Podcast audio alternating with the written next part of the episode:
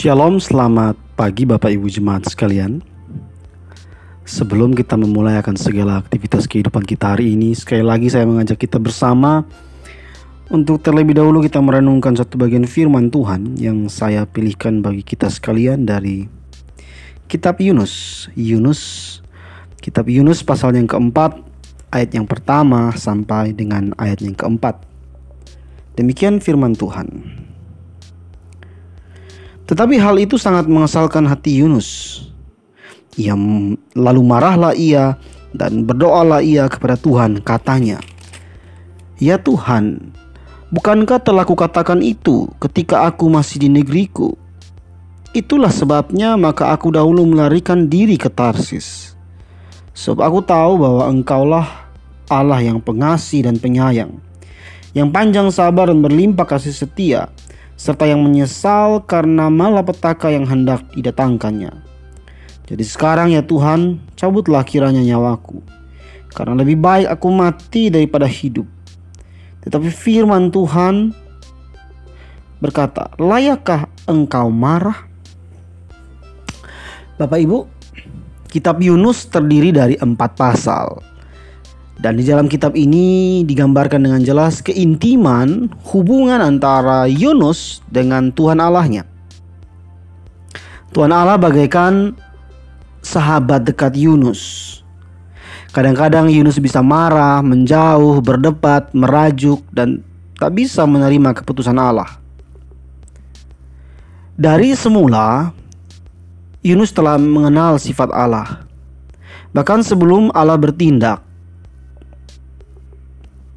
Sebelum Allah mengutus dia, Yunus sudah bisa menebak apa yang bakal Tuhan lakukan.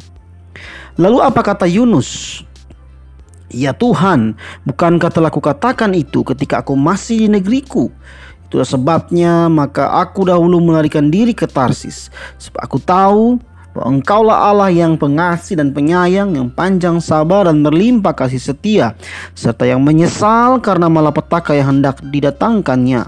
Itu dapat kita lihat dalam ayatnya yang kedua. Bapak Ibu, ini semua terbukti di dalam Yunus 3 ayat 10. Allah pun menyesal atas malapetaka yang dirancangkannya atas Niniwe negeri yang jahat itu. Dan tidak dan Allah tidak jadi melakukannya. Yang belum diketahui Yunus adalah mungkinkah penduduk Niniwe yang jahat itu dan bertindak penuh kekerasan itu mau bertobat? Kesabaran Yunus terhadap Niniwe sudah habis. Yang tertis, yang tersisa hanyalah kebencian dan keinginan agar Allah segera menghukum, menghancurkan negeri itu. Di luar dugaan Yunus, bangsa Niniwe menyesali segala dosanya. Mereka memohon pengampunan dan belas kasihan Allah agar terhindar dari hukumannya.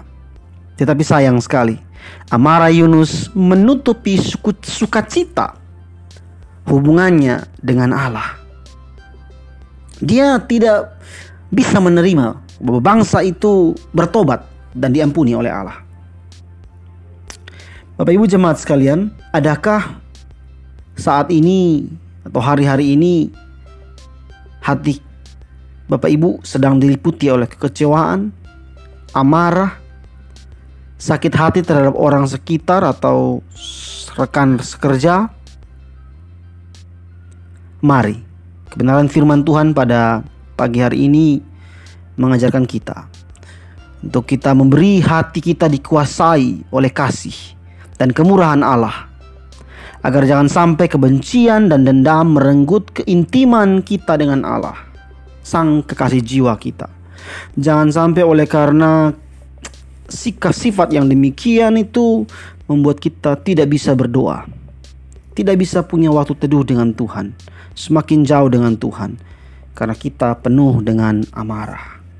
Allah yang penuh kasih memberikan contoh gambaran yang nyata yang benar-benar baik menjadi pembelajaran bagi kita, yaitu mengasihi orang yang jahat sekalipun, mau mengampuni bangsa Niniwe yang jahat sekalipun. Kita pun diajar demikian. Selamat pagi, selamat memulai hari Tuhan Yesus memberkati.